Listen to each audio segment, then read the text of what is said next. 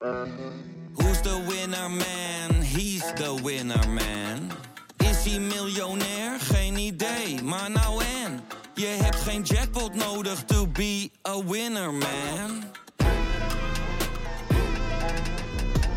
Oh oké, dat is wel lekker man.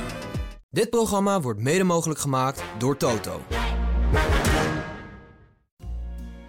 Tegen Cristiano Ronaldo moest hij spelen. Die hebben ze toen verloren. Nou, toen heeft hij echt een temper tantrum uh, gegooid. Hij heeft ze Instagram verwijderd. Hij is een week niet op de training Wat, gekomen. wat, wat heeft hij gegooid? Een temper tantrum. And uh, there used to be a ballpark where the field was warm and green. Hartelijk welkom bij de podcast van Hard Gras, nummer 148. with a joy Even over de zaak Galit Kassem. Hebben jullie in je verleden wel eens iets te maken gehad met misdaad? Of met de politie? Ik kan daar hier geen mededeling over doen. Dat hou jij liever voor je. Nou ja, ik heb het recht toch eh, om te Nee. zwijgen tot het tegendeel bewezen is. Dat is alleen als ik je arresteer. En dat was ik nog niet van plan. Maar het is wel zo dat door die socials, social media, gaat je verleden wel een belangrijke rol spelen. Ik bedoel, die, die vrouw van de voorzitter of de president van Harvard, die is er ook uitgeknikkerd op grond van recente ontwikkelingen, maar ook van oude wetenschappelijke artikelen. Ging toch een Ja, plagiaat? plagiaat is toch wel best wel serieus, toch? Ja, maar er staat nergens precies wat ze heeft overgeschreven. Alleen het woord plagiaat. En dat is vervolgens een eigen leven gaan leiden op social media. Mensen hebben dat geretweet, hebben dingen erbij een- verzonnen. precies. En dat, die heisa is groter geworden dan de plagiaat zelf. Waarschijnlijk wel. Maar ik vind dus het super grappige dat ehm, twee van de beschuldigaars, twee van de mensen die op Harvard in het bestuur zitten of fundraisers zijn of weet ik veel, of rijk gewoon. Eentje daarvan heeft nu ook een eh, master van Harvard, die hij op zijn bio had staan, verwijderd, want dat was niet zo. En, en, de, en de ander, die heeft een vrouw, die wordt nu ook beschuldigd van plagiaat. Dus dat, ze slaan gewoon terug met je verleden. En, eh, en zodra dat mogelijk is, dan moet je dus eigenlijk kan je nooit meer wat zeggen. Maar met mevrouw Gay was het volgens mij ook dat dit allemaal naar boven kwam nadat ze uitspraak had gedaan over Israël en Palestina. Ja. Wat haar toen niet in dank werd afgenomen. En Ja. toen is er volgens mij echt inderdaad, zijn ze gaan graven om iets te hebben wat Ja. controversie- controversieel is. En daar dus een, een eh, Ja, relletje omheen te creëren. ja. Maar ik las ook dat eh, in een eerder stadium waren er al van die, eh, van die eh, witte, steenrijke kerels die eigenlijk wel van eraf wilden. Ja, Dus, dit is dus een zwarte vrouw die de president van. en zou bij. Kassem zoiets ook het geval kunnen zijn? De- denk jij dat? Ja, eh, ik, ik las een tweet van die Peter Schouten, dat is, dat is een vriend van Peter R. de Vries. Die zegt gewoon, de telefoon is gehackt. Wie had daar belang bij en wie had er belang bij om het aan het AD te geven? Dus, eh enfin. Ja. Nou ja, nou, hij was toen ook... al- Ze hebben natuurlijk misschien dan al eerder geprobeerd... want hij is ook wel eens een keer in verband met Tak- Taki Zeker. gebracht.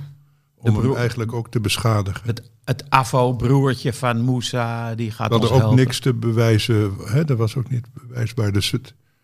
Maar ja, goed, dit zijn de media natuurlijk. Media veroordelen zelf ook weer mensen, zou ik maar zeggen, voor de camera. En nu, Ja. als je daar zelf zit als presentator, maak je deel uit van dat systeem eigenlijk, waar je eigenlijk om, om niks eh, belasterd en besmeurd kunt worden. Ja. Dus in die zin... eh, Maar anderzijds is natuurlijk ook, als dit soort dingen uitkomen, dan denk je ook, als je, als je niet wil dat dit uitkomt, dan moet je het ook gewoon niet doen. ja, En ik bedoel, er wordt nu toch ook een onderzoek ingesteld door de deken van advocaten. Dus Ja. we moeten sowieso nog afwachten, wat daaruit komt. precies. Ja, maar dat, dat vind ik weer wat anders, want dat gaat over de beroepsgroep. Dat is gewoon tuchtrecht. Het, als hij dat gedaan heeft, iemand heeft willen omkopen, is dat strafrecht. Dus dan moet het Openbaar Ministerie iets doen. En als, als die niks doen, is hij natuurlijk niet schuldig. Ja. Zo zou ik het zien. En, te, en de deken van advocaten is gewoon tuchtrecht van een, van een beroepsgroep. Dat is de, Ja, intern ja, heb, kun je regels hebben. Met een voetbalclub heb je ook regels die verder niet in het strafrecht eh, staan. Dus dat zou ik raar vinden dat als hij geschorst zou zijn als advocaat, dat hij dan niet als presentator bij de VARA kan werken. Want die, die Moskovits werkt toch ook gewoon eh, voor de... Als adviseur hier en daar. Nee, maar ook eh, in de media is hij toch gewoon eh, nog gewoon eh, werkzaam als eh, shownieuws. En weet Doet ik hij dat nog steeds? nou ja, hij is helemaal afgezakt naar, eh, naar inderdaad, eh, laat ik zeggen, de, de rijlen en zeilen van Gordon en zo. Maar, hij, hij, hij, hij is niet gecanceld, dat bedoel ik. Dus, het, het is waarom zou je iemand moeten cancelen als hij in ene beroep eh ja, eh geroyeerd is? Oké. Dit was dan de actualiteit tot zover. Ik heeft- vind het wel jammer voor hem, want hij, eh, ik vond het eerst een waardeloze presentator. Hij, ontwikkelde goed. zich. Ja. Het is, het is net zoals een voetballer die geblesseerd raakt. ja, als hij net in zijn beste seizoen. Het, eh, Kudus in zijn eerste seizoen bij Ja. Ajax. ja. Hij ging wel heel snel weer naar Ajax. Sorry, Wie? ik. Oh, Ik heb trouwens nog wel een dode voor, eh, voor de agenda. Dus, eh, dus Zagallo. ja, dat is goed. Ja. Ik zag beelden van Dat is goed. hun rondgang in Zweden toen ze wereldkampioen was geworden. Het was, Hij was toen linksbuiten. Ja. Ja, want Garincha was rechtsbuiten. Ja. Ja. ik vond het echt meesterlijk, die beelden, om Ja. dat nog een keertje eh, te zien. Maar dat doen we straks, Ja. hè, Zagallo. Maar we moeten het wel Hij was onthouden. toch al 92. Dus in nee, zin, en zijn ja, achternaam begint met een Z. Dus dat betekent dat je niet... altijd eh, achteraan komt. ja. Hè? Ja. Ik eh, heb gisteren gekeken, jullie denk ik ook, naar eh, Arsenal-Liverpool. Zes wedstrijden niet verloren volgens mij. Vijf of zes. Arsenal. Ja. Gaat niet lekker. Gaat niet lekker. Nee, het gaat niet lekker, maar ze waren wel eigenlijk gewoon goed. Ja, het eerste De eerste helft. helft was Eerste echt heel helft goed. heel De eerste tien minuten waren fantastisch. Dus Ja. dat, dat Ze hadden elf schoten meer dan Liverpool. Maar ja, ze, ze gaan er niet in. Nee, maar als je dat schot van, van Eudegaard bijvoorbeeld op de lat ziet, dat, die gaat er 9 van de 10 keer wel in. Ik, ik heb niet het idee dat daar iets fundamenteels nu verkeerd zit, maar meer dat veel kleine dingen. Maar ze hebben wel veel kansen nodig, vind ik, Arsenal. Ja, dat klopt. En Ja. bijvoorbeeld uit bij Fulham had ik ze ook gezien in de Premier League. En dat was wel een stuk slechter. En je voelt wel dat, dat- ze het zoals toch eigenlijk steeds de laatste jaren, nou soms helemaal niet, maar nu dan net niet gaan halen. Dat, dat voel je wel aan alles, of dat meen ik te voelen. Ehm, ja, en misschien is er dan ook gewoon net een gebrek aan een hele goede spits. Het is, idee ik heb heb me ik echt wel geërgerd aan eh Havertz. Want dat is dus een jongen die kan goed voetballen. Maar hij kan dit tempo gewoon niet aan. Dus ze hebben hem drie keer vrijgezet voor de keeper. En dan kapt hij toch, eh, kapt hij toch probeert hij om een verdediger heen te kappen. Ja. Nee, meteen schieten. Gewoon uithalen. Ja, Ja. boem. En Ja. dat kan hij niet om een of andere reden. Ja, ik las jouw, eh, jouw venijnige tweet erover ook al. Dat is ook wel grappig tegenwoordig. Twitter, daar ging het natuurlijk net ook al een beetje over. Ik zie eigenlijk alleen maar radicaal rechtse gekken. En dan af en toe jij nog er tussendoor met een observatie over hele kleine obs- voetbalobservaties. Die glippen er dan tussendoor.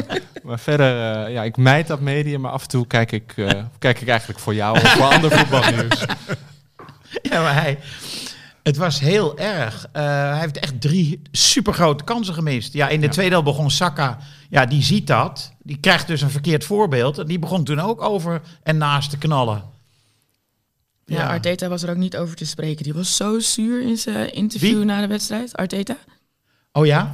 Er werd hem gevraagd van, oké, wat moet er veranderen? Waar ligt het aan? Ja, we moeten meer scoren en geen tegengoals krijgen. Oké, maar je hebt nu twee weken tot de volgende wedstrijd. Eh help dat? Hoe gaan jullie trainen? Like, ja, dat moet op het trainingsveld gebeuren en niet thuis. Oké, die is geïrriteerd. Die wil eigenlijk het interview niet doen. Maar kom dan niet met zulke dooddoeners. Maar hij zet, hij zet Havertz in de spits. Want die Jesus is geblesseerd of zo? Nee, die speelt daar niet. Oh. Toch? Gabriel Oh, Jesus kan in de spits hoor. Ja. Maar die, die was volgens mij weer op de bank. En, Ja, en, die was op de eh, bank, ja. en, en Ketaya en Ketia. Ja, de. Ketia. de Ketia, ja. Die Ketia. Hij is nog wat jonger. Die, die zeg maar tweede in de pikorde. Die moet je rustig brengen, denk ik. Ik weet niet. Het, het, het- vorig seizoen hadden ze volgens mij ook gewoon heel veel kansen nodig voordat ze scoorden. Maar toen ging die bal er gewoon wel in. En nu lukt het Nou iedere ja, het keer hoort niet. ook wel een beetje bij dat voetbal, hè? dat beetje Spaanse voetbal, zou ik maar zeggen. Van hen. Ja, van, van Arteta. En dat, dat is wat je bij Guardiola ook wel zag bij City. Heel, heel royaal met de kansen omgaan. Barcelona stond er al bekend om. Spaanse Je elftal. wil de bal bijna in het doel gewoon bizar tikken. gewoon. Ja. Ja, goed, City heeft wel eh Haaland. Dat scheelt. Wel een Nu, eh? Ja, mooi rolletje ja. voor Gravenberg weer bij Liverpool. Ja, legt iemand neer op de rand van Ik bedoel, de, hij poort de van 16. Odegaard. Ja, ja. Daar komt dan die vrije trap uit en dat is de eigen goal. Dat maakt wel het verschil. Denk ik. Oh, daar, dat deed hij? Ja. Oh, ja, ja, ja, ja, ja. leuk. Nee, ik, eh, ik dacht al eh, da- dat je bedoelde, kort voor tijd legde hij iemand neer. Misschien ook wel Odegaard. En toen kregen ze een vrije trap op 18 meter van het doel. Mm, Arsenal. die bedoel ik niet. Nee. Ik bedoel dat ik de vrije trap die Liverpool meekreeg. Zeg. Ja, ja. En die Nunez die valt me ook steeds positiever op. Dat is echt een ongeleid projectiel. Ja. Die zelf ook niet weet wat hij gaat doen als hij de bal krijgt. Maar steeds vaker werkt wat hij doet met de bal wel. In tegenstelling tot vorig seizoen. Dat je hem echt zag, kijk, ik heb nu de bal, wat ga ik doen? Ah! En dan maar 50-50 kans dat er iets goeds gebeurt. En nu zit hij toch wel op 80% dat er iets goeds uit zijn Hij heeft wel balcontacten een komt. beetje een domme speler, vind ik toch wel. Ja, maar dat maakt het zo leuk om naar te kijken. Want je ziet ook aan hem dat hij gewoon... Ik wil niet dom zeggen, dat vind ik weer wat onaardig. Maar dat hij het gewoon af en toe echt niet weet. Nee, verder is hij misschien intellectueel, maar op het veld eh, is daar niks van te merken. Ik denk niet dat het een intellectueel is. Hoewel hij, hij noemt zichzelf wel Darwin. Ja, en Ja. Ik bedoel, hij zichzelf heeft die naam gekregen, toch? Is dat zo? maar iedereen zijn zegt, ouders. iedereen zegt Núñez. En er staat op zijn shirt Darwin. Ja, oké. Dat geeft een zekere verdieping. en de- wat jij nu over hem zegt, dat vind ik van Diaz. Luis. Ja. Want die, eh, die doet ook veel dingen gewoon op emotie. Maar die was gisteren wel echt heel goed. En steeds gevaarlijker. Maar ik heb me wel geërgerd, want het is wel een luizenploeg, hè, dat Liverpool. Och, zeker zonder Salah. Niet te geloven. Wat, wat een vieze counters waren dat de hele tijd. Ja. Vieze counters. ja. Het was toch zo? Nee, ik vond het heel vervelend om naar te kijken. Ook omdat je gewoon wist, dit gaat Arsenal verliezen. Je voelde het Precies. aankomen. En dan denk je, Als om het in- in clichés te spreken, het voetbal verliest hier. Ja, ja. En als je niet scoort, dan weet je wat er gebeurt. Dan scoort de ander. Ja. Maar we hebben natuurlijk ook gewoon veel, veel Engels voetbal gehad. Ja, weet je wat ik... De beste wedstrijd vond ik eh, Liverpool-Newcastle. Twee weken geleden. Twee Waarom? weken geleden. 5-3 of zoiets, hè? Was niet? Nee, was gelo- 4-1 geloof ik. Eh, nee, eh, het was eh 4-2. Oh ja, ja, ja, ja, ja. Sala scoorde. Eh, maar Botman maakte die mooie goal. Met zijn hoofd. En, eh, maar het was gewoon een verschrikkelijk intense wedstrijd. Dat vond ik mo- heel mooi eraan. En op een hoog niveau. Ja. Ook, ook Newcastle. Het was echt niet zo dat Liverpool daar ehm, stukken beter was of zo. Absoluut niet. Nee, maar Salah was zo Die was toen geweldig. goed. Toen dacht ik, in de Afrika Cup krijgt Egypte door hem waarschijnlijk wel weer ehm, mogelijkheden. Ik weet niet hoe ze verder zijn. El Neni. Ja, maar dat, hij is ook gelijk de, de grootste zwakte van Egypte. Omdat Wat? hij doet wat hij wil.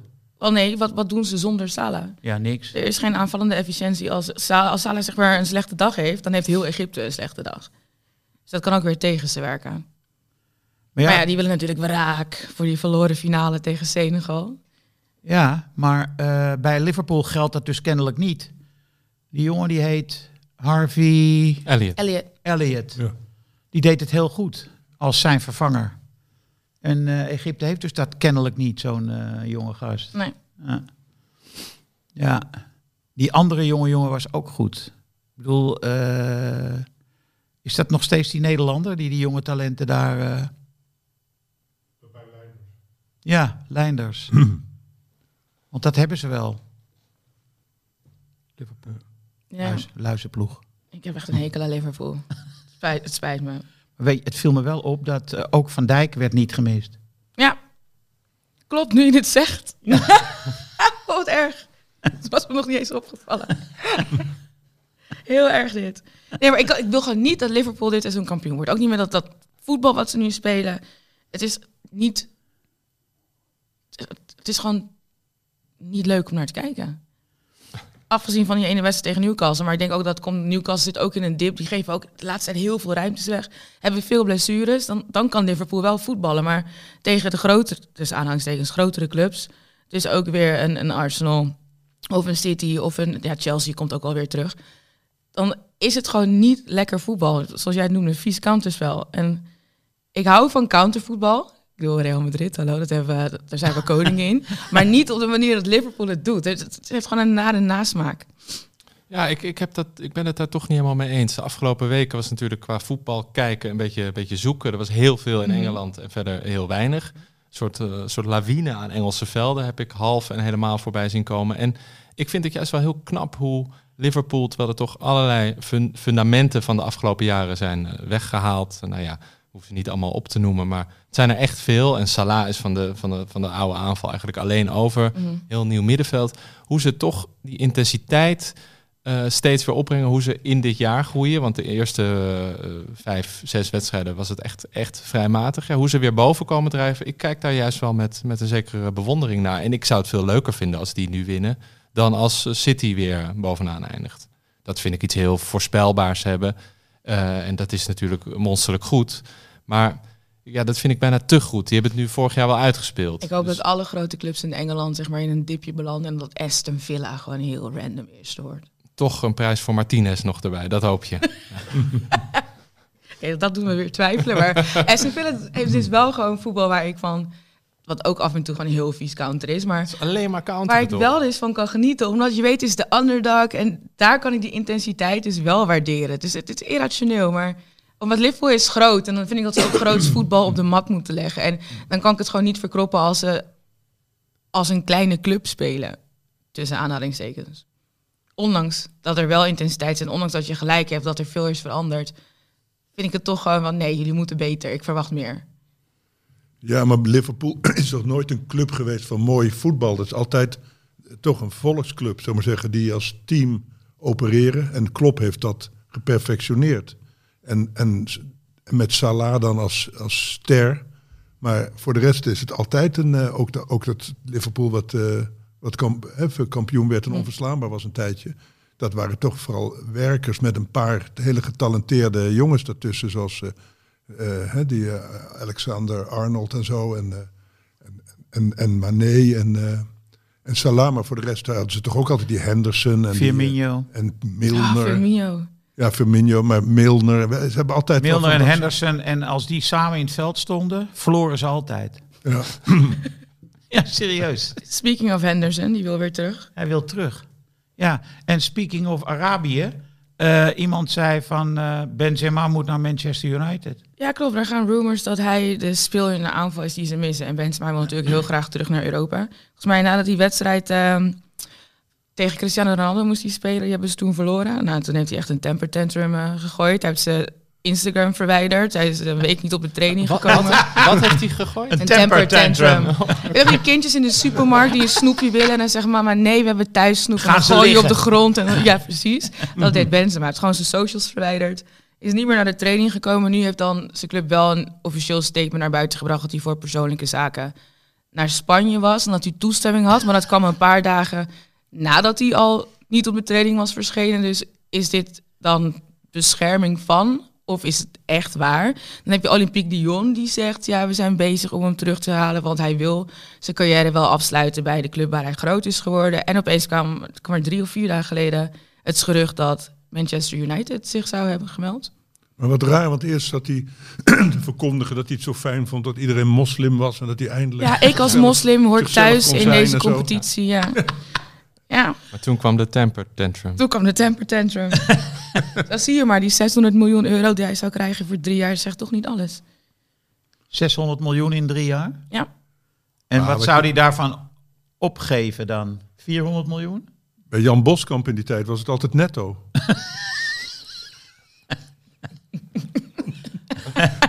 en dan moest je toch de boodschappentas meenemen. Ja, maar dat was, Dat bij, cash- was met Hiddink en eh, Real Madrid ook zo. Werd het cash uitgekeerd, hè? Ja, in een, in een boodschappentas. en dat noemden ze finiquito. Borst heeft daar een keer een verhaal voor Hartgras. Finiquito? eh, finiquito. Finiquito, oké. Wegwezen. En, maar dan had je wel een tas bij je.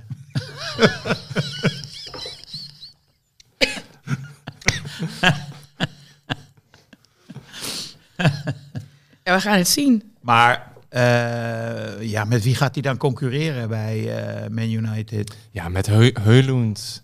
Ja, die, Maar die dat- is niet zo goed. Nee, dat is natuurlijk gewoon een enorme miskoop aan het, aan het blijken. Alweer een, hè? Ja. 80, 90 miljoen voor betaald. Echt een krankzinnig hoog bedrag. De grootste miskoop blijft Anthony. Ja, dat klopt. Ja, maar de, de, de Ja. hand van Ten Hag eh, qua aankoop is, is gewoon vrij belabberd Ja. gebleken. En we noemen ook allerlei Engelse clubs en, en niet Manchester United althans. Ja, en dat, dat, dat is nu toch wel aftellen tot die weggaat. Dat, dat kan op deze manier, dat is toch niet houdbaar? Ik, eh, als, als Ajax ziet, ik wens hem, wens hem alles. En af en toe, als je denkt, het is nu, eh, ze zijn knock-out, dan, dan stijgen ze wel weer even, even op. Maar, Dan winnen ze weer opeens met 3-2 ergens uit, weet je wel. In Maar- een- maar het, het Het is wel zo dat ze natuurlijk een nieuwe eigenaar hebben. Ehm, is Red- meestal geen goed teken is voor Nee, de trainer. Radcliffe, Ineos. ja, Ineos inderdaad, van de eigenaar van Ineos ook. En die heeft echt in het contract laten opstaan dat hij dus ook wil bemoeien met de langetermijn strategie en hoe die uitgevoerd gaat worden. Dus er gaat wel weer een duidelijkere koers In gevaren worden. zijn ze waanzinnig eh, succesvol geweest. Exact, dus ik heb daar Maar niet bij Nice. Dat, dat niet, oh ja. Hoewel Nice eh, doet het best goed nu. Maar Maar misschien was Nice het probeer, probeersel om te zien wat wel en niet werkte. En hebben ze dat, die strategie geperfectioneerd. En nu gaan ze dan met menu eh, het spelletje uitspelen. Alleen de vraag is dan, past inderdaad Ten Hag in die lange termijn strategie? Als het antwoord ja is, dan kan, kunnen ze nog verder zakken dan ze nu al zijn. Maar dan blijft hij er gewoon zitten. Want Radcliffe is wel iemand die meerjarenplan heeft en zich niet... Maar meestal als er, als er nieuwe mensen de leiding krijgen en meerjarenplannen Gaan hebben, de trainers dat, uit. dat de trainer moet vertrekken. Ja, ik denk, ik weet niet waarom, maar ik, ik las een, eh, een interview van Radcliffe in een Amerikaans blad. En die sprak best wel lovend over Ten Hag. Ik zal het interview ook even opzoeken en dan eh, online zetten. En ik dacht ik, oeh, dit is best wel gunstig. En ik wil... Ja, maar er lopen toch in de internationale voetbal zoveel succesvolle trainers rond die, die hè, wat Ten Hag één seizoen heeft gedaan, nu ook doen. Xavi Alonso bij eh Bayern Leverkusen, weet ik wat. En dat heeft dan toch veel meer allure als je ze bijvoorbeeld David zo Moyes bij West Ham. Nee. Ja, maar die nemen ze nooit terug natuurlijk. Hè. Hè? Die nemen ze niet meer terug. Maar, de- Nee. maar die Xavi Alonso, dat is natuurlijk ook een trainer die, eh, die Ja. laat zien dat hij... En dat is een topvoetballer geweest. Dus dat, eh, ja, de, Serbi. ja, Serbië, ja. Dus ik denk... Ja, maar ik zou het zonde vinden als... Dit is gewoon puur omdat ik Ten Hag een leuk fan vind. Ik zou het gewoon zonde vinden als hij daar wordt weggezet.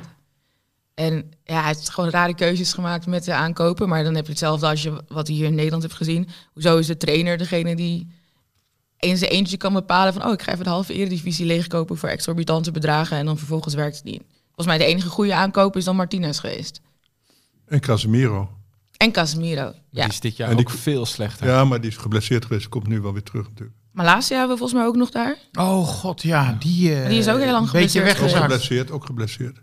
Oh ja, nu nog? Ja, Oh, lang? ja Of weer? lang. Ja. Nou ja, dat is natuurlijk dat is net zoals Timber bij Arsenal. Die zijn natuurlijk in de Eredivisie niet gewend hoe hard ze Ja. moeten rennen en hoe hard ze worden aangepakt, denk ik. En dat is natuurlijk ook hetgeen. United heeft nu heel veel blessures. Dat klopt. Dus hoe eerlijk kan je die club op dit moment beoordelen? Nou, dat is een feit. Eh, en eh, het grappigste van al die blessures vind ik dat Harry Maguire opeens weer de grote steunpilaar achterin is. Ja, er is nog nooit een voetballer zo verschrikkelijk gebashed, volgens mij.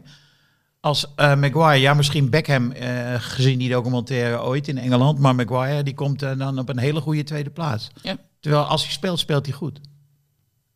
En ook die, die Schotse McTominay. Ja, Het is, dat is zo'n vervelende speler. Want als Ja. hij niet speelt, speelt het elftal beter. ja, Maar hij scoort altijd. ja. Hij heeft een enorme eh, efficiëntie in de 16. Ja. Dus die moet je gewoon als breekijzer achter de hand houden. Gewoon 80 minuten McTominay erin, alle ballen op Scotty. Let's go. De Jan En- Vennegoor of Hesseling van Manchester United. Is eh, eh, broertje Amrabat, is hij nou geblesseerd? Sofian? Ja? Volgens mij ook. Die, wacht, die Maar was gaat, hij, gehaald. dan gaat hij naar de hij, naar gaat de naar de, Afrika hij Cup? gaat naar de Afrika Cup. Ja? Maar ik weet niet of hij fit is. Hij was gehaald, zou het middenveld spelen. Het waren zoveel blessures op het middenveld. Moest hij in de verdediging staan. dat was echt vreselijk. Maar goed, hij probeerde het. En daarna hebben we hem inderdaad... Is hij een beetje weggevallen? ja, hij is ook geblesseerd geweest, maar Ik denk dat hij misschien nog niet gewoon echt wedstrijdfit is... dat hij volle wedstrijden kan spelen. Dat gaat hij dan op de Afrika Cup doen, tot grote woede van Ten Hag. Ja, maar dat gaat hij natuurlijk wel met volle trots en passie doen... zoals we hem op het WK ook zagen. Die man maakte zoveel kilometers, gaf tot de Ja. laatste minuut alles wat hij had. Ja. Speaking Heerlijke of de, speler om naar te Speaking kijken. of de Afrika Cup, Danielle, brand los. 13 januari, jongens. 13 januari. Volgende week, eh, wat is het, zondag, maandag? En dan gaat het eh, beginnen. Het mondiale voetbaltoernooi waar we alle pracht van Afrika kunnen zien. Ga je jij- kijken? Wie, wie, wie pakte jij nou aan op eh, social media over de inleiding eh, op, eh, van Burnley tegen weet ik veel? Ik, volgens mij was het John van het Vliet. ja, of Van John Vliet. van Vliet. Hoe? Van John Vliet. van Vliet. John van Vliet, sorry. Wat zei hij in de inleiding? hij had het over dat de Afrika Cup weer aankomt, dat het niet past in de voetbalkalender. Op een hele lekkere, neerbuigende toon. En die kan vervolgens ook zeggen, ja, maar het is wel leuk voor die jonge, die Afrikaanse spelers, kunnen ze ook een keer hun land verdedigen. Denk het is zo vervelend dat eurocentrische sentiment wat je dan hebt richting de Afrika Cup toe, alsof het een minder toernooi is, omdat het in Afrika plaatsvindt. Wel, het, het is hetzelfde als een EK. Het is gewoon een continentaal landentoernooi waar spelers hun land kunnen vertegenwoordigen. Waarom zou je het daar neerbuigend over doen of het wegzetten als minder dan hier van, in Europa? zei, van Basten zei het ook hè, gisteren. Dat het eh, gewoon verkeerd staat ingepland door de FIFA. Nee, maar het was eigenlijk in de zomer ingepland, afgelopen zomer. Maar vanwege de weersomstandigheden in de zomer in Ivoorkust hebben ze besloten voor het welzijn van de spelers ook om het te verplaatsen naar de winter. Dus eigenlijk hetzelfde als het WK in Qatar. Dat zou ook Ja. eigenlijk in de zomer zijn. En ze plannen dat toernooi ook altijd naar de FIFA-kalender, zeg maar de internationale Ja, de competities, voetbalkalender. Ja. ja. om te zorgen dat het minimale impact heeft op de voetbalcompetities die doorlopen. Maar je, je gaat er niet omheen komen in een supervolle voetbalkalender. Dat je dan overlapping hebt. Zelfs in de Afrikaanse landen zelf heb je overlapping. Want de de ene deel ligt binnen het westelijke halfrond. Of eh, boven de Noordelijk. Evenaar, Ja, noordelijk ja. juist, en anders zuid. Dus daar heb je zomer en winter wat tegen elkaar. Dus die competities lopen ook niet gelijk. Daar hoor je niemand klagen. EK hoor je niemand klagen. Gold Cup in Amerika hoor je niemand klagen. Azië Cup ook niemand. Waarom is het altijd Afrika Cup dat wij als Europeanen, Westelingen denken, ja, het is maar de Afrika Cup. En zeker als je de geschiedenis van het toernooi kent, de rol die voetbal heeft gespeeld met het antikolonialisme in Afrika, vind ik het zo Neerbuigend, racistisch. Ja, racistisch zou ik niet willen zeggen. Ik denk gewoon naïef. En dat is dan de meest aardige term om, om eraan te geven. Gewoon naïef om zo neer te kijken op een gigantisch toernooi waar mensen naar uitkijken, waar heel Afrika voor uitloopt en wat voor verbinding zorgt en eenheid en een uitdraging van nationale trots. Ja, ik ben het wel met je eens hoor. Thank you for listening to my TED Talk. Eh, ga jij kijken, Thomas? Ja, niet ehm, zo nauwgezet, denk ik, als ik wel eens aan een EK of WK begin. Want dat is ook, dat zit meer in mijn systeem. Ik, ja, misschien door de redenen die Danielle net noemt, dat er ook meer wordt opgedrongen aan Nou alle ja, kanten. je kent de spelers ook Ja. minder, minder goed. Precies, ik ken de spelers in Europa. Mijn EK van WK, die ken je vaak beter, omdat hoe je het ook bent of keert, in Europa zit het meeste geld. Dus de beste spelers ter wereld komen uiteindelijk toch bij een Europese club terecht. Dus heb je een WK of een EK, dan ken je de spelers. Afrika jij- Cup is wat onbekender, dus dan, ik snap ook wel die afstand. Ga jij Maar, kijken? ja, Frans? ik ga het zeker Zeker bepaalde eh, landen zoals Marokko en eh, de grote, hè, die grote landen, Senegal, Nigeria, wat is het, eh, Ghana, Ghana, Egypte. Egypte, Dat vind ik altijd wel leuk. Ivoorkust ook zo. Ivoorkust. Dus Dan zie je altijd wel spelers, ontdek je ook altijd. Dat vind ik het leuke van grote toernooien. Want jullie hebben het over WK en EK, maar het, het leukste is toch spelers die zich die opstaan op zo'n toernooi waar je nooit van gehoord hebt. Ja. Dus dat, eh, en die sterren vallen vaak tegen. ja, dat is Klopt. heel gek. Eh, behalve Mané. Vorige keer. Ja, ze wonnen, dat was Mané tegen Maar- Salah. ja, dat was Liverpool Ma- tegen Mané, Liverpool, Mané ja. schoot de beslissende penalty Ja. erin, als ik me goed herinner. Ja, met de groene lichtjes. Ja. De laser, eh, lichtjes op het gezicht. Ja, ja, ja, ja. ja. Ja, dat was vervelend voor Klop. En, eh, maar Senegal, herinner ik me vaag, speelde heel verdedigend het hele toernooi. Ja, Klopt dat? Eén doelpuntje verschil winnen. In Daar de... waren we toen ook bang voor met Senegal in de pool met Nederland toen met het WK. Omdat het gewoon echt een hele solide ploeg is. Ja, Heel solide. Middenveld graapt zich in, het staat er gewoon. En je komt er niet makkelijk doorheen. Komt het ook omdat het ver- Franse spelers, hè? Die, Ja, heel veel Franse spelers. Bij heel veel landen. Obviously Afrika, Frankrijk. leuk. Ja. Maar echt heel veel Franse spelers. Maar ook veel die jongens die in de Duitse competitie... bij Leverkusen, Ja. Leipzig en zo actief zijn. Dus dat is ook wel heel tof om te zien. ja. Ja, Mané is ook via hè, Red, Red Bull Salzburg, Ja, via die kant, zeg maar zeggen, Europa ingestroomd. Hè? Ik heb er wel heel veel zin in. En ik bedoel, zelf ben ik echt groot fan van Nigeria, dit toernooi. Die gaat zonder middenveld spelen. Ik bedoel, ze hebben in totaal volgens mij vier of vijf middenvelders opgeroepen. Maar hun kracht zit natuurlijk bij Victor Boniface en Victor Osimhen. Die daarvoor instaan, de Victors. dus, en Kelvin Bessie, mijn grootste liefde, die het nooit heeft gemaakt bij Ajax en nu geweldig gaat bij Fulham. Ja. Die staat daar in de verdediging. Dus ik kijk daar gewoon heel erg naar uit. Maar er zijn zoveel landen. En het, dat heb je ook met een WK, heb je dat ook. Dat die kleine landjes opeens ver komen en dan hun eigen verhaal maken. En dat heb je in de Afrika Cup keer vijf, keer zes. En dat maakt het zo mooi. Kijk naar Zambia. Die doen in 2012 de Afrika Cup wonnen met Hervé Renard. En twintig jaar voordat ze wonnen was er het vliegtuig... wat echt op 12 kilometer Ja. in Gabon neerstortte. Met 18 spelers van het nationale elftal die allemaal om het leven kwamen. En in 2012 speelden ze op 12 kilometer dus van die plek waar het vliegtuig neerstortte. En wonnen ze de finale van titelfavoriet Ivoorkust Ja. op penalties. En dat zijn zulke mooie dingen. Een klein land waar niemand van tevoren iets van heeft verwacht. Waar volgens mij twee spelers maar in Europa speelden. Die vervolgens alle favorieten opzij zetten. En echt met duizendwekkelende penalties de eer van hun overleden voorgangers in het nationale elftal gewoon eren. Dat, dat soort dingen, daar kan ik echt van genieten. Ja, dat zijn natuurlijk de, de mooiste verhalen die dan in en rondom zo'n toernooi komen bovendrijven. En ik ben daarom nu ook wel heel erg, Frans noemde al Marokko, maar heel erg voor Marokko, omdat dat op het afgelopen WK zo'n prachtig verhaal was. En omdat, daar, nou ja, het werd tegelijkertijd wel en niet bekroond, want wel halve finale, maar geen prijs. Ja. Die hebben geloof ik eh, de Afrika Cup één keer gewonnen in de jaren zeventig. Ja. Dat is eigenlijk heel weinig voor een land met de, nou, de voetbalinfrastructuur en de, de grootte eh, op voetbalgebied eh, als Marokko. Dus ik, zou het, ik, ik hoop zelf heel erg dat met, met dat team dat eigenlijk niet veranderd is. Zelfde trainer, zelfde basisspelers. Ja, ze moeten misschien iets anders spelen, want ze zijn nu soms favoriet en kunnen niet meer helemaal achteruit. Maar ik hoop heel erg dat die winnen, dat die dit bekronen. Deze toch wel nou, gouden lichting, deze gouden jaren in ieder Ja. geval. Dat, dat, dat zou ik heel mooi vinden. Same. Dan de finale Marokko-Nigeria. Nigeria zonder middenveld. Zonder middenveld. maar wel met Kevin Bessie in de verdediging. Ja, eh, Be- Bessie is wel een raadsel.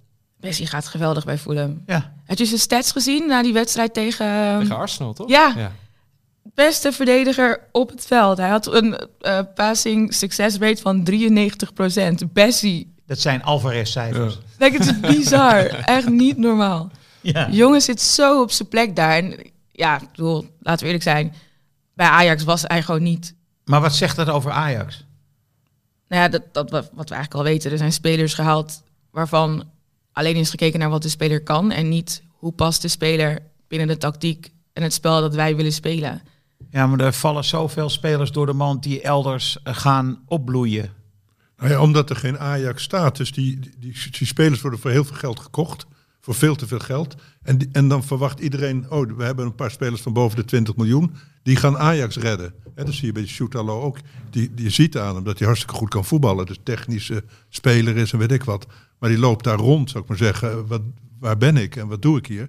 En niemand vertelt hem dat. En hij kan ook geen Engels, weet je wel. Dus al dat soort factoren spelen volgens mij bij Ajax een rol. Dat je niet in een geoliede Machine. eh, machine komt. Ja. En, en met trainers die alleen maar met zichzelf bezig zijn en willen overleven. En, de, en nou, over de technische leiding nog maar te zwijgen. Dus je bent aan jezelf overgelaten. En dan wordt het natuurlijk niks. Want je hebt sowieso, moet je wennen aan een nieuwe club, een nieuw land. En dan ben je, al- ben je alweer afgeschreven. Maar ik denk toch ook aan een bepaalde structurele misvattingen bij Ajax. Dat ze gewoon verdedigende kwaliteiten niet kunnen herkennen. Nee, nee, ik denk Dat dat... er te veel trainers daar rondlopen die niet zien waarom iemand goed is in verdedigen. Nee, maar ik durf te wedden als Bessie door Slot was, eh, Feyenoord was gekocht, dat het een van de beste verdedigers van de Eredivisie was zeker. geweest. Maar dat, dat tuurlijk. Of, of bij Bos nu, hè? Bos hem had gehad. Nou ja, die kan zelfs eh Ramaljo laten voetballen. Ja. Ramaljo die rood kreeg in de oefenwedstrijd. Ja. En dan vervolgens de tweede helft wel weer mocht spelen. Ja. ja, vriendschappelijk. Ja, oefenwedstrijd toch? Maar ik vond het wel mooi. Hij heeft rood. Oké, weet je wat? De tweede helft beginnen we de wedstrijd gewoon opnieuw. Ramaljo nog een keer, poging 2. Ga ervoor. En weer gelijkspel. Maar denk jij niet, Thomas, dat ze bij Ajax gewoon problemen hebben met bepaalde kwaliteiten te herkennen? Hoe lang heeft al, is Alvarez niet afgezeken? Ja, nee, hon- Door 100% iedereen. eens. Want Bessie heeft ook amper aanpassingsproblemen nu bij Fulham. Ja. Het is niet dat hij daar een jarenlange Maar aanloop goed, hij heeft komt gekend. uit Londen, toch? Hij komt, Wie? Niet. Bessie komt er Ja, ja. Nou, hij is bij Leicester begonnen. Oh ja, Maar hij komt uit ja, Londen, toen is dus- hij naar Leicester gaan via Barnet, uiteindelijk naar Schotland en toen eh, ja, dus naar thuis- Ajax. thuis hoef je niet aan te passen, zou ik zeggen. Maar er zit duidelijk bij Ajax, we hebben het er natuurlijk heel vaak over gehad, maar zoveel, zo, eh, zo verrot. Eh, en en dat voelt, je voelt het aan alles. Eh, en, en Bessie vorig jaar, ik weet dat Danielle groot fan was. Ik was hem eigenlijk ook wel positief gezind. Heel af en toe zag je hem in een, in een duel of in Er een is een hele sprint. leuke documentaire over hem toen gemaakt. Ja. Over zijn eh, roots in, eh, in Londen, daarom weet ik dat ook. Hele leuke vent. hè. Ja. Ja, maar in het begin wedstrijd inderdaad zag je echt van, oh, dit kan een hele goede Ja. worden. En die sprint die hij trok over het hele veld. En, Ja, bij Utrecht was dat. Ja. Oh, heerlijk. Maar toen kwamen er wat foutjes in het spel. En toen zag je gewoon het hele vertrouwen wegzakken en dat is nooit meer goed gekomen. Ja, is een beetje eigenlijk zoals Havertz bij eh, Arsenal voetbal. Maar dan keer 10, want, want met 10, 10, 15 spelers hebben dat nu. Ja. Ajax. Ja, Wat ik wel nog even, we hadden het even over Alvarez. Ik weet niet meer welke wedstrijd het was, maar hij was in de 16. Hij moest zich maar uitverdedigen en toen zag hield je hij die, de die bal. solo bedoel ja, je? Ja, nee, niet die solo. Die solo ook, die was geweldig. Maar ik bedoelde, hij had de bal. En hij wachtte heel even tot de speler naar hem toe kwam. En toen kapte kapte hij hij en toen uit, verdedigde hij uit. Hij was like, wat? Edson Alvarez, kijk wat je hier doet. Ja. Wauw. ja. Echt super mooi om te zien hoe die spelers, Kudus ook trouwens, Ja. hoe die opleven onder wel goed management blijkbaar en wel het vertrouwen hebben en dan echt dingen op de mat leggen waarvan je dacht, ik hoopte dat je dat bij Ajax zou doen, maar ik had nooit gedacht dat je dat ook echt zou kunnen. Kudus op, op rechts buiten, Ja. die echt het geweldig doet. Heb je hem bij ons, bij Ajax, op rechts buiten gezien? Dat was echt tien keer niks. Wel balvast natuurlijk, maar het werkte niet. En bij West Ham zelfde positie, andere spelers. En er straalt zoveel vertrouwen vanaf. Niet normaal. Ja, echt hij, hij durft echt alles. Ja, Die aanname eh, was er een wedstrijd onlangs. Kreeg je een hele hoge harde bal eh, bij de die zijlijn. hij stillegde. Zo. Ja, ja, ja, ja. Och, niet Ja, Ja, normaal. dat was prachtig. Eh, Ten Hag heeft de verkeerde rechtsbuiten van Ajax gekocht. Zonder twijfel. Absoluut. Anthony, och. Maar wie gaat er winnen, die Afrika Cup? Nigeria. Nigeria gaat Ik ben er winnen? echt 100% van overtuigd dat de finale Marokko-Nigeria wordt. Ik had ook zo'n... Je kan online zo'n eh, schema invullen en dan zie je hoe, je, Ja, hoe de hazen lopen. hoe Ja. alles loopt. En mijn finale werd Nigeria-Marokko en ik sta er helemaal achter. En wie er dan wint, dat is me eigenlijk om het even. Het verhaal van Marokko, dit zou de bekroning zijn van twee mooie jaren die ze al hebben gehad. Dat is geweldig. En Nigeria, de victors. En dat is dan een leuke dubbele woordgrapje, de victors. De winnaars, maar ook de victors van de aanvallers. Haha. Is wel, vind ik bij die Afrika Cup, als ik denk aan Egypte bijvoorbeeld, denk ik altijd aan uitslagen 0-0, 1-0. Nou ja, zo, eh, ploegen speelde? Senegal vorig jaar. Ja, maar als je nu kijkt, ik heb even alle eh, kwalificatiewedstrijden nog even bekeken. Het is best wel redelijk gescoord, weinig gelijk spelen. Dus Hoezo er heb jij alle kwalificaties? niet gekeken, opgezocht uitslagen door de uitslagen. Oh, de uitslagen. Nee, niet alle. ik had niks te doen. nee, de uitslagen gekeken. Dus. En ik denk dat Mali ook nog wel heel erg kan verrassen. Die hebben best wel veel jonge talenten en hebben Marokko verslagen. En zijn eerste geëindigd in een kwalificatiegroep. Die doen het heel goed. Alleen Mali is wel... Dat is mijn dark horse. Laten we daar houden. Maar ik heb Is- Ismi Zuma, dat soort spelers. Rami Zerouki gaat er natuurlijk ook heen. De broertjes Diroy en Laros Duarte. Ik vind die naam nog steeds Leroy en Daros, maar dan andersom. Het zijn ook gewoon Nederlandse voetballers die we daar kunnen bewonderen. Ja, Dus dat is ook leuk. ja. Eh, even kijken. Ik zag opeens eentje die meespeelt. Eh, welk land? Welk land? Even kijken. Ehm, die plotseling gaat scoren. Bij, ah ja, Senegal. Eh, Jackson. Die opeens, Jackson, eh, die die opeens aan het scoren is bij, eh, bij Chelsea. Ik dacht, eh, dat zou er wel zo eentje kunnen zijn die opeens gaat doorbreken. Ik denk ook, dat, daar zit ook weer een mooi verhaal in. Hij zou eigenlijk eerst voor Engeland volgens mij uitkomen. Ja? En zijn opa, die heeft toen gevraagd of hij alsjeblieft wilde spelen voor Nigeria. Want zijn opa is Nigeriaans. En toen heeft hij die switch gemaakt. En een paar maanden nadat hij die switch heeft gemaakt, is zijn opa overleden. En nu wil hij eigenlijk de winst van Nigeria, wil hij dan opdragen aan zijn overleden grootvader. Dus dat is nog een soort van extra push om te doen. En je hebt nu Amin Adli, die is nu net geswitcht eh, van Frankrijk naar oeh, Tunesië volgens mij. Wie? Amin Adli, die speelt in Duitsland. Jonge gozer. Uh, pas. Maar die heeft niet de switch gemaakt. En zo zie je waar er, komen, er gaan allemaal jonge talenten opkomen staan. En ik hoop dat we daar ook gewoon respect voor hebben en het kunnen waarderen en kunnen zien dat ook het Afrikaans voetbal in een soort van lift zit en steeds tactischer en technischer wordt. En het is niet alleen maar Afrikaanse tackles. Nee, en nee, keihard dat is vooruit voor- dat is spelen. voorbij. En zes minuten voor het einde van de wedstrijd affluiten omdat je het niet meer aan kan als scheidsrechter, zeg maar dat soort dingen. En Guinea, die heeft die Guirassi, hè? Die, Ja. eh, die speelt toch in Duitsland? Ja, ook Scoort toch elke week? bij Stuttgart inderdaad, ja. Dus het kan ook nog wel een gevaar worden. Heel veel Duitse spelers. En Marokko, die, eh, die spits van hen, die was in twee jaar geleden nog niet echt super. Eh, die in Spanje voetbal. de serie. Ja, die. Van de kopballen. Ja. Maar per zou- ongeluk kopballen iedere keer. ja, maar die zou nu ook wel eens kunnen doorbreken, denk ik. Ja, Marokko heeft denk ik op papier wel echt... Zie je Het allersterkste Wie staat er links buiten? Die hebben we. En ze hadden die Boufal, hadden ze ook die oude, vond ik een leuke speler. Twee jaar De geleden. oude spits. Ja. En we hebben natuurlijk Hakimi ook nog. Oh ja, Hakimi. Hakimi en Masra. En Mazraoui, inderdaad. Onze eigen Noes. Ja. Maar gaat Hakimi dan centraal achterin spelen misschien? Of Beck. Zou ook nog kunnen. De vorige keer werkte dat heel goed als rechtsback met Ziyech voor hem, toch? Ja, dat maar wat de- doe je dan met Hakimi? Nee, maar Hakimi, nee, Nee. Masraoui stond links. Mazraoui staat ja. linksback. Omdat en Hakimi Hakimi, rechtsback. Juist. Ja. Ja. Maar Hakimi is echt net zoals eh, Alexander Arnold. Hij, is overal, behalve op de rechtsback-positie. Ja, Hakimi is gewoon steengoed. En die middenvelder, de jonge gozer, ik ben zijn naam even kwijt. Oet- El Canoes. Is het El Canoes? Die bedoelde ik. Het eindigt op Ani of zo. Tani, Utani, Un... Ja, Oh, hij! Eh, die met die hele dunne beentjes. Ja, ja, ja, ja, ja, die. ja. Oh, mijn god, hoe heet hij ook die? Ajax ook wel kopen toen. Ja. Ja, Ja. hij speelt in Frankrijk. eh, Ik zie hem zo voor me. En het eindigt op Ani. Ani, Ani, Ani. Bellani, zo'n soort naam is het. Maar volgens mij zit er ook een oe in. O-U? Ja, ja. Oh, Ouani. Ani. Ouani. Ouani. Oani. Ja, Ja, Ja, ja. wel. Ja. Ja. We komen er wel. Maar er zit hier dus wel echt wel twee korte termijn geheugens optima forma. En eh, jullie horen dit eigenlijk meteen te spuien. Hè? Voor ons geeft, geeft het niks. Ik bedoel, wij, wij weten dat Didi links, links binnen stond bij Brazilië in, in Wij 58. lepelen zo de opstelling van Brazilië achter. Zeker, met de gemak.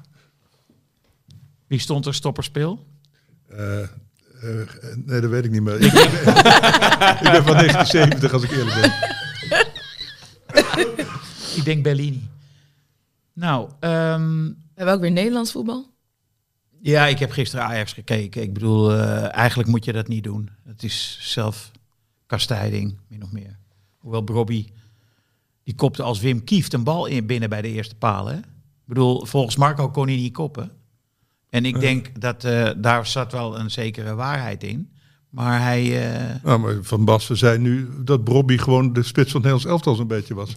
Hij krabbelt gewoon heel stilletjes. eh krabbelt moffelt hij dat helemaal Nee, maar weg. hij mompelde ook gisteren. Ja, er was een kopbal bij de eerste paal. Dat is dus het Ajax-systeem. En die Ja. bal die kopte hij ook heel goed binnen. Ja. Nou ja, Bergwijn speelde ook niet slecht de eerste helft. Ze speelden allemaal niet slecht de eerste helft. Nee, zelfs Tahirovic was Ja. goed. Maar in de tweede helft zie je, ze missen gewoon fitheid. Ze zijn echt niet fit. Nou ja, Conditioneel en, gezien ging het niet meer. Het was gewoon nee, en, opa voetbal. maar nog, nog, nogmaals, ze kunnen ook niet verdedigen. Ja, fair enough. Maar Ja. hoe kan het nou dat ze niet fit zijn? Als sla je me dood. Ik heb geen idee. Maar je ziet het wel gelijk. Ze kunnen gewoon niet meer in de tweede helft op de mat leggen. De energie en intensiteit. Tussen aanhalingstekens intensiteit. Want zo intens is het ook niet. Maar dat kunnen ze gewoon niet meer op de mat leggen in de tweede helft. En dat zag je ook eh, in die Europese wedstrijden. Ja, dan zakken ze weg. Maar er, is, er viel mij ook iets op. Declan Rice, oké, middenvelder, controleur. Elke afvallende bal is voor hem. Dus eh, je hebt een duel op de rand van de 16 en die bal die springt dan weg uit dat duel. Die gaat een beetje naar achteren. Daar is altijd Rice en die heeft hem dan. En die heeft die bal dan ook vrij. Als bij Ajax zo'n situatie is, dan hebben Berghuis en Taylor nooit de bal. Als hij uit een duel komt, hij valt stukje terug. En dat komt volgens mij omdat zij altijd van achter de bal beginnen. Dus zij moeten dan, ze kijken naar hun eigen doel. En ze rennen naar die vent toe die dan de bal heeft. En gaan een duel aan en, en verliezen dat. Terwijl laat Rice- dan lopen. Terwijl Rice kijkt altijd naar het andere doel bij die afvallende ballen. Het is zo opvallend. Nou ja, anyway. Ik dacht, eh, dit is een theorie. En ik las dat ze bij Feyenoord eh, monden afplakken. Monden afplakken. Ja, om ja, Door je neus te ademhaling ademen. beter te controleren, volgens mij dan aan het einde Die van de... Trauner heeft altijd zo'n gek dingetje op zijn neus. hè. Ja, dat is wat anders. Dan plak je je neus af. Altijd eigenwijs, die Oostenrijkers. Hè? Het zou om gaan dat je dan aan Als- het einde van de training, dat Ja? je dan leert om bewuster te zijn van je ademhaling. En dat zou uiteindelijk ten goede gaan van je fitheid, dat je beter kan doseren. Dus niet zozeer dat je er fitter van wordt, maar dat je leert om je ademhaling te doseren en daardoor Nou, je langere adem ademt te door je hebben. neus meer door je midden, via je middenrif. Dus je ademt dieper in. Dus als je door je mond ademt, heb je de neiging om te hijgen. Dus dan krijg je minder zuurstof binnen. Arie Boomsma zweert hier al jaren bij. Hè? Die heeft allemaal Instagram-filmpjes. Het is echt waar, dat hij zijn mond afplakt. En dan gaat hij ook eh, Dat is in het geval van Arie Boomsma een heel goed idee. Met een afgeplakte mond eh, gaat hij slapen. En dan reguleert je ademhaling. herinner me Ja, dat. maar Ja. Haaland doet dat ook. Die slaapt ook met zijn mond afgeplakt. Ik, nou jullie zien, ik heb een overbite en mijn tanden staan eens naar voren en ik slaap dus met mijn mond open. Dus ik moest vroeger van de ortho, moest ik ook gewoon mijn mond dicht plakken. Om dan te voorkomen dat ik zeg maar, verder ging overbijten, om maar zo te zeggen, in mijn slaap. Dus ik vond het wel grappig. Oké, cool. Jullie hebben allemaal andere redenen om het te doen, maar we doen allemaal hetzelfde. Ik heb het één keer toen geprobeerd, aangespoord door, eh, niet door Haaland helaas, maar door Boomsma. Boomsma. Ik dacht, nou, goede ademhaling, gezond, et cetera, dat wil ik ook wel. Maar ik raakte in totale paniek in bed. Ik had het idee, ik ga, ik ga stikken, ik, ja, ik, ik, wilde, ik wilde eruit. Dus het, het heeft ongeveer vier minuten geduurd. Maar En Trauner heeft dat ook. Maar dat komt omdat hij en zijn mond en zijn neus afplakt. oh ja, dus eh, jij kreeg een soort van mondclaustrofobie. ja, maar ik moet, eh, ik moet in reprise. Eh, Je gaat het weer proberen. Ja, aangewakkerd door, eh, door Arie. Feyenoord nu. Ja. Nee, niet ik door heb dat wel eens met Ja. eh, duiken gehad. Dus dat ik duikles had. En dat dan moet je ook door zo'n ding ademen. Hoe oud was je? 50 of zo. Oh, toen, toen pas. Ja, en toen eh, t- het werd, raakte ik ook totaal in paniek. Dus ik ben nooit verder dan snorkelen gekomen. Wat heb jij eh, verder nog in het weekend gedaan, eh, Thomas? Nou, ik heb geen. eh, leuk dat je het vraagt. Ik heb namelijk geen Ajax gekeken gisteren. Want ik, ik, had een, ik had een boek. En ik lag met het boek op de bank. En het boek heet Knieval. En is geschreven door iemand hier aan tafel. En dit, dit hebben we niet van tevoren besproken. Maar ik was, ik was heel benieuwd. Want jij hebt natuurlijk. ik denk dat luisteraars van deze podcast wel weten. Dat jij nou, een, een flinke blessure had. En je belde toen enkele weken, misschien wel maanden. Vanaf je bed in, de, in je Franse huis. En het verhaal daaromheen. eh, dat heb je, dat, nou, jij weet beter wat je hebt gedaan dan ik, maar dat heb ik nu gelezen, want jij hebt het opgeschreven. Notities bij het opkrabbelen. Het komt deze week uit. En ik vond het heel erg leuk en, en levendig en geestig. En het is niet alleen maar nou, geklaag over de medische toestand. Allerminst is het is geklungel met zorgverzekeraars. Dat zit er heel uitgebreid en heel grappig in. Het is af en toe vond ik het ontroerend, af en toe ook heel erg grappig. Het is, het is eh, nou, ik, ja, gefeliciteerd ermee. En er is één stukje waarbij mijn eh, wenkbrauw toch even omhoog ging. En dit er komt nu niet iets heel, eh, iets heel privés, maar in het kader van deze podcast dacht ik toch, eh, Henk, dit, dit werpt een licht, nieuw licht op jou. Dus ik ga een klein stukje voorlezen. Als ja, graag. Je schrijft, boeken hebben voor mij als adolescent een grotere rol gespeeld dan het voetbal. Mijn eindexamen in 1968 associeer ik onmiddellijk met Vestdijk en Couperus, die mijn boekenlijst domineerden, en niet met de Europa Cup finale in hetzelfde voorjaar gespeeld tussen Manchester United en Benfica, die ik zojuist heb moeten opzoeken. En nog steeds geldt, zonder voetbal zou ik kunnen leven, maar niet zonder boeken. Ja. En evenmin kan ik zonder schrijven. Ik dacht, Henk, jij kan helemaal niet zonder voetbal. Is dat echt zo?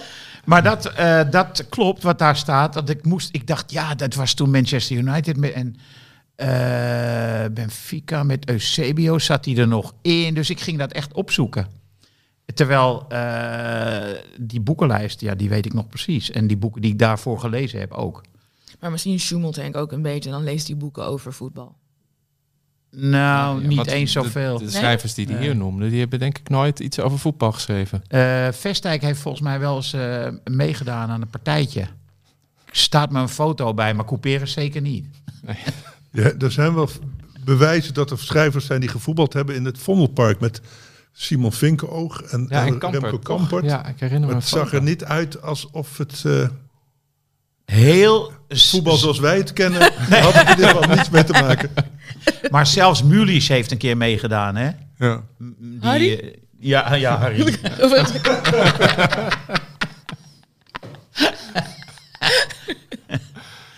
Eh, Frans, de laatste dode, de laatste tocht.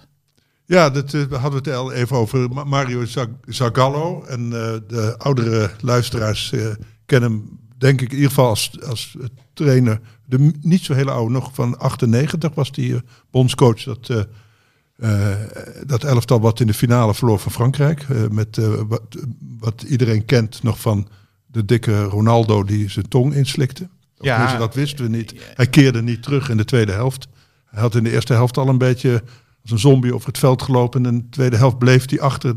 Die, die, die rust duurde toen ook heel lang. En dat was. Zagallo was daar de, de, de bondscoach van. Maar zijn triomf is denk ik 1970 geweest. En eh, dat was ook Brazilië waar ik mee kennis maakte. Mexico was dat. En er werd toen wel gezegd, net zoals eh, in de tijd van Cruijff... zo'n he- hebben- zo'n elftal heeft geen, eh, geen, Geen trainer nodig. Dat Ja. werd over Brazilië van Pelé en eh Rivellino en Gerson, Tostao, noem ze maar op. Had, had, geen, eh, had geen trainer nodig. Die jongens geef ze een bal en, eh, en ze maken gewoon vijf doelpunten per wedstrijd. En dat was ook wel zo, maar toch was dat, het was eigenlijk al een soort totaalvoetbal wat zij Ja. deden. Pelé was eigenlijk, die was overal. Hè? Dat was op papier een spits. Maar die, net zoals Cruijff liep hij over het hele veld rond. En voor mij was dat een, eh, ik had nog nooit zo mooi voetbal gezien als toen. Want je- het was wel hè, de jaren dat Nederland nog moest eh, komen. Hè, de 1970, nou misschien Niet geplaatst. Nee, maar de Ajax heeft toen de eerste Europa Cup, of was het 71 was het natuurlijk, hè? ja. Feyenoord. Feyenoord was het toen. En dat was natuurlijk niet, ja, was wel mooi voetbal, maar niet dat overweldigende voetbal wat eh, Nederland later is gaan spelen. En Brazilië had dat toen. En ik weet nog, hè, 74 moest eh, Nederland eh, tegen Brazilië. Dan dacht je, dit is het allerbeste voetbal tegen het allerbeste voetbal. Dat is de meest waardeloze schoppartij geworden. Ooit uit de geschiedenis van alle WK's, denk ik. De meeste rode kaarten. En dat was een en al eh, hè, met Neeskens eh, in de, uh, nam daar de, Surbier. Le- Neeskens en Surbier namen de leiding. Dat is- was in die tijd dat spelers nog met verband speelden waar bloed doorheen kwam. Wat op hun schoenen druppelde. Maar goed, Zagallo was eigenlijk een, eh, een grootmeester. En dat heb ik dan wel gelezen, want toen, toen kende hij het eigenlijk vooral als naam.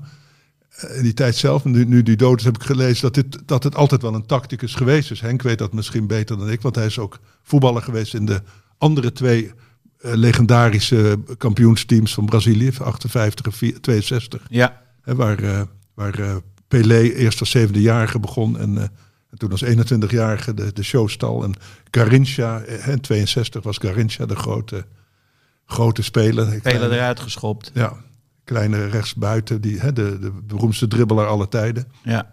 En toen, Zagallo linksbuiten. die stond toen linksbuiten, maar die scheen meer de, de, de slimme paasjes te geven dan dat hij echt eh, drie man uitspeelde en terugliep om ze nog eens een keer te passeren. En, eh, en die, en die hè, dat was eh, eh, zo'n speler van een steekpaasje, denk ik. ik. Ik weet het niet, ik heb hem nooit zien voetballen. Maar hij was heel jong coach, achteraf dus. Want hij, hij was dus eerst medespeler van Pelé en toen werd hij zijn coach. Hoe oud is hij geworden? 92. Dus, eh, nou ja, na 98 heb ik eigenlijk niks meer van hem gehoord. Hij zal, zal wel iets gedaan hebben. Nou, het schijnt dat hij heel veel heeft geslapen met eh, een pleister op zijn mond. Dat hij zo oud is geworden daardoor, hè? Ja. ja. Koning van de Week. Dienhuizen, Dienhuizen. die 18-jarige Maar- verdediger. ja, maar die is dus verkocht. Van Juve Verhuurd, naar... toch? Geverhuurd van Juve naar Roma. Komt hij onder Mourinho te spelen? Is dat een voordeel? Ja, denk het wel. Ja? En mocht meteen ook eh, invallen, hè? Gisteren ja, tegen een blessure. Atalanta. En dat deed hij echt goed. Ja? Ja, dus de, ik ging het even opzoeken. De Italiaanse kranten die zijn eh, onder de indruk van deze 18-jarige Nederlander. En ook, hij stond tegelijk. Ik heb alleen de tweede helft gezien. Ik wel ik heb niet alles gezien. Maar ik zag een paar pages die hij direct op Lukaku ook gaf. En ik dacht, er zit hier nu al een soort van wisselwerking. Je bent net daar gekomen. Het begin van je verhuurperiode. Eerste wedstrijd dat je speelt. En je legt al zo volwassen spel op de mat. is een hele elegante voetballer, hè? Mhm. Lang, Beckenbauer-achtig misschien, opstomen. Maar waarom staat hij niet in de Jong Oranje eigenlijk dan? Ik heb hem nooit in Nederland zien voetballen, die, eh, die jongen. Hij is, eh, misschien staat hij in de onder 18 of Oh, in de ja. onder Ja, 19. want hij is net 18. Ja, Dus waarschijnlijk zit hij nog in de ja want hij onder. debuteerde op zijn 17e bij, eh, bij Juventus. Dacht ik. Oh, Of, of Kevin de Bruyne, koning Kevin is terug. Met haar. Hij was sinds, eh, of naar mijn idee, sinds hij geblesseerd was, ga ik niet meer naar de kapper geweest. Hè? Langer dan ooit. En die mocht inderdaad even opdraven tegen Huddersfield Town, zag ik. Ja, meteen een assist. Ja. Ja. Dat haar is echt... eh, dat soort spelers moet uitkijken, want je kijkt eigenlijk nergens anders meer naar. Ik- Hè? Het is, wat heeft Kevin met zijn haar gedaan? En dan zie je die mooie basis niet meer. Nee, dat, dat bedoel ik. Ja. Ja, ik zat, zag nog een wedstrijd van eh, Real Madrid, maar ik weet niet welke, van In een Modric zo zat te genieten. Toen zat ik, eh, ja, je hebt dat soms als je naar zo'n wedstrijd met één oog kijkt, let je soms op een bepaalde speler. En dan die wedstrijd kon me niet zoveel schelen. En toen zag ik ineens hoe goed eh Modric was weer. Nog steeds. Nog steeds. Op zijn al- leeftijd. Alle paasjes mooi en altijd mooi. Net op tijd vrijlopen, wandelt hij. En net dat ene stapje doen, is hij weer aanspeelbaar. En dan meteen hè, geeft hij hè, nooit twee keer aanraken. Wat je nu bij Ajax ziet, dat de hele tijd. Dat, dat, dat worstelen met de bal en dan eens kijken, loopt er nog iemand vrij. Ja. Maar bij, hè, met Modric, die, die ballen gaan gewoon als het ware blind al eh, hè, naar de juiste persoon. Dus dat, daar, zat En meestal buitenkant voet. al, al- ja. Dat deed trouwens Berghuis, die verder ook weer waardeloos was. Maar die één fantastische... Ja, dat was een heel mooi steekbal. Dat gezien. Oh, die bal, ja. De eerste ja. helft. Waar, waar eh, eh, Taylor de Ja. bal op de lat schoot. Ja, die- ja. Ja, ja. ja, ja. En Wat Arda jou- Güler heeft ook weer gespeeld trouwens. Wie? Bij Real Madrid. Arda Güler. Die ze Oh ja? vorig jaar zomer hebben gehaald. Ja. En die toen eh, gelijk geblesseerd is geraakt. Die is weer terug. Oké. Er zijn heel veel koningen deze week. Ja, ik zelf denk aan, eh, toch echt aan Daily Blind. Eh, dat- Oh ja, ja, ja, heel goed. Dat heeft wel zelfs een- gescoord volgens mij, toch? Twee keer. Ja, Tegen eh, tegen Atletico. Madrid, ja, ze uiteindelijk ook heel laat toch Lekker weer bij de, wonnen. even bij de tweede paal, hè? Ja, Ja. Twee keer eh, ticketjes. Nou ja, dat seizoen van, eh, van Girona begint echt wel epische proporties Ja. aan te nemen. En dat, ze blijven het maar volhouden. En ook nu tegen Atletico heel erg nou, fris en levendig. En ook een beetje geluk. Maar, de, maar zoals Leicester City toen ze kampioen hadden ook Ja. steeds geluk had. En heel goed was. Ja, en, en hoe je het ook bent of keert. eh, Blind is echt een cruciale schakel Ja. in dat hele spel. En wat er extra pijnlijk aan is, en ook, ja, ook wel weer de- des te knapper van hem, is dat alles wat hij doet, is wat Ajax niet heeft. Dus het spel op een, Ja. op een goede manier onvoorzien naar de aanval brengen, eh, temporiseren. Al- alle dingen die Ajax totaal niet heeft. Een soort, ja, niet een soort, duidelijke intelligentie, kalmte. Ja, die heeft hij. En deze week scoorde hij dus ook nog een, een cruciale goal tegen Atletico. Waar, eh, de- ja, de- dat definitief afhaakt voor de titel. Het gaat nu echt tussen, tussen Blind en de Zijne en Real Madrid. En hij scoorde ook nog in de beker. Dus dat vond ik... eh, nou ja, Modric wordt mooi oud, maar, maar Blind die, eh, die presteert wel iets wat ik, wat ik helemaal niet voor mogelijk had gehouden. Ik sluit me aan Ik, Thomas. ik sluit me ook aan Ja, met ik Thomas. ook. Oké, nou, ook dan omdat ik het een- mooi vind dat hij toch een soort revanche krijgt. Ja. Omdat het, het is dat verdedigen van een stuk ergerniswekkend. Maar de manier waarop hij wordt aangepakt vind ik wel eens eh, hè, te, te, te, te weinig respect voor eh, ja, de, toch de hele sierlijke, elegante... Gewoon de klasse, ja. mooie voetballer. En wat Thomas zegt, de intelligentie. Ja. Wedstrijd van de week Twente AZ. Oh, Ja, dat is eh, zaterdag al, geloof ik. Of zondag. Daar ben ik nog niet klaar voor mentaal. Ik ook niet. Oh, ik, eh, ik moet er echt helemaal inkomen. AZ zelf ook, denk ik. Go ahead Ajax. Ik denk wel dat Twente wint, hoor. Ja? Thuis? Ja, want AZ is toch wel erg aan het kwakkelen, toch, vind ik. Ja, die snakte duidelijk naar de winterstop. Die waren echt heel slecht de weken daarvoor. Dus je denkt, ze komen misschien herboren. Nou, ik denk niet herboren. Ik denk wel iets minder slecht. Maar ik denk toch dat Twente wegens eh, thuisvoordeel en de energie die zij vaak hebben, heeft de AZ volgens mij gewoon niet. Dus ik denk, eh, laat ik het houden op 2-0. 2-0. 1-1. Ja. Nee, nee, sorry. 2-2. Nee, het zijn wel twee aanvallende ploegen, dus ik denk eh, drie, twee. Pavlidis toch... eh, Twee kansen, twee goals. Hè? Eh, hij speelt tegen Robin Prupper. Ik zeg 2-0. Oh ja. Zei jij dat ook? Ja. Dan zeg ik 1-0.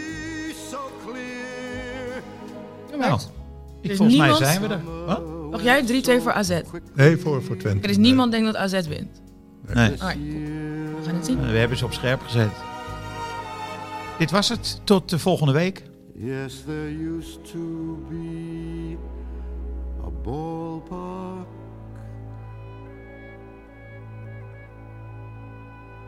Right here.